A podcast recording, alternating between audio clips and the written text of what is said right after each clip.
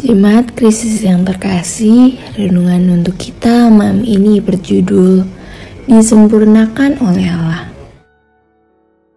Dan bacaan kita diambil dari 2 Tesalonika 1 ayat 11 sampai 12. Beginilah firman Tuhan. Karena itu, kami senantiasa berdoa juga untuk kamu supaya Allah kita menganggap kamu layak buat panggilannya dan dengan kekuatannya menyempurnakan kehendakmu untuk berbuat baik dan menyempurnakan segala pekerjaan imanmu. Sehingga nama Yesus Tuhan kita dimuliakan di dalam kamu dan kamu di dalam dia. Menurut kasih karunia Allah kita dan Tuhan Yesus Kristus.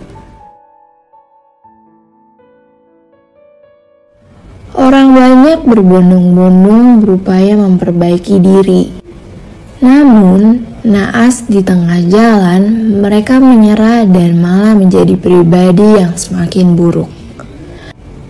Ada banyak cara yang dilakukan, dan semua sebenarnya adalah hal baik untuk diupayakan. Seringkali yang menjadi persoalan bukanlah upaya mereka, namun karena mereka tidak melibatkan Allah dalam segala sesuatu yang mereka kerjakan. Marilah kita melihat teladan Paulus dalam kebesaran namanya. Ia tetap tekun berdoa baik bagi dirinya sendiri maupun bagi jemaat-jemaat yang ia layani. Yang dalam bacaan kali ini adalah jemaat di Tesalonika. Dalam segala pelayanannya yang begitu luar biasa, ia selalu melibatkan Allah. Tak pernah merasa bahwa kekuatan dan energinya adalah sesuatu yang cukup. Memang betul bahwa kita harus menyadari bahwa diri kita sendiri tidak akan pernah merasa cukup. Energi dan tubuh kita terbatas. Namun, di dalam Allah kita akan disempurnakan.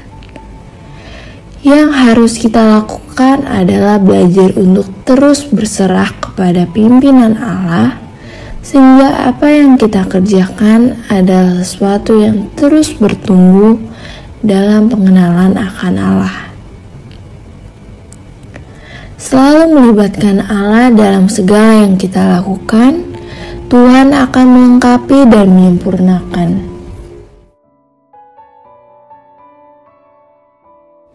Demikianlah renungan malam ini. Semoga damai sejahtera dari Tuhan Yesus Kristus tetap memenuhi hati dan pikiran kita.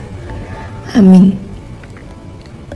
Jemaat yang terkasih, marilah kita bersatu hati menaikkan pokok-pokok doa yang ada dalam gerakan doa 21 GKI Sarwa Indah. Marilah berdoa.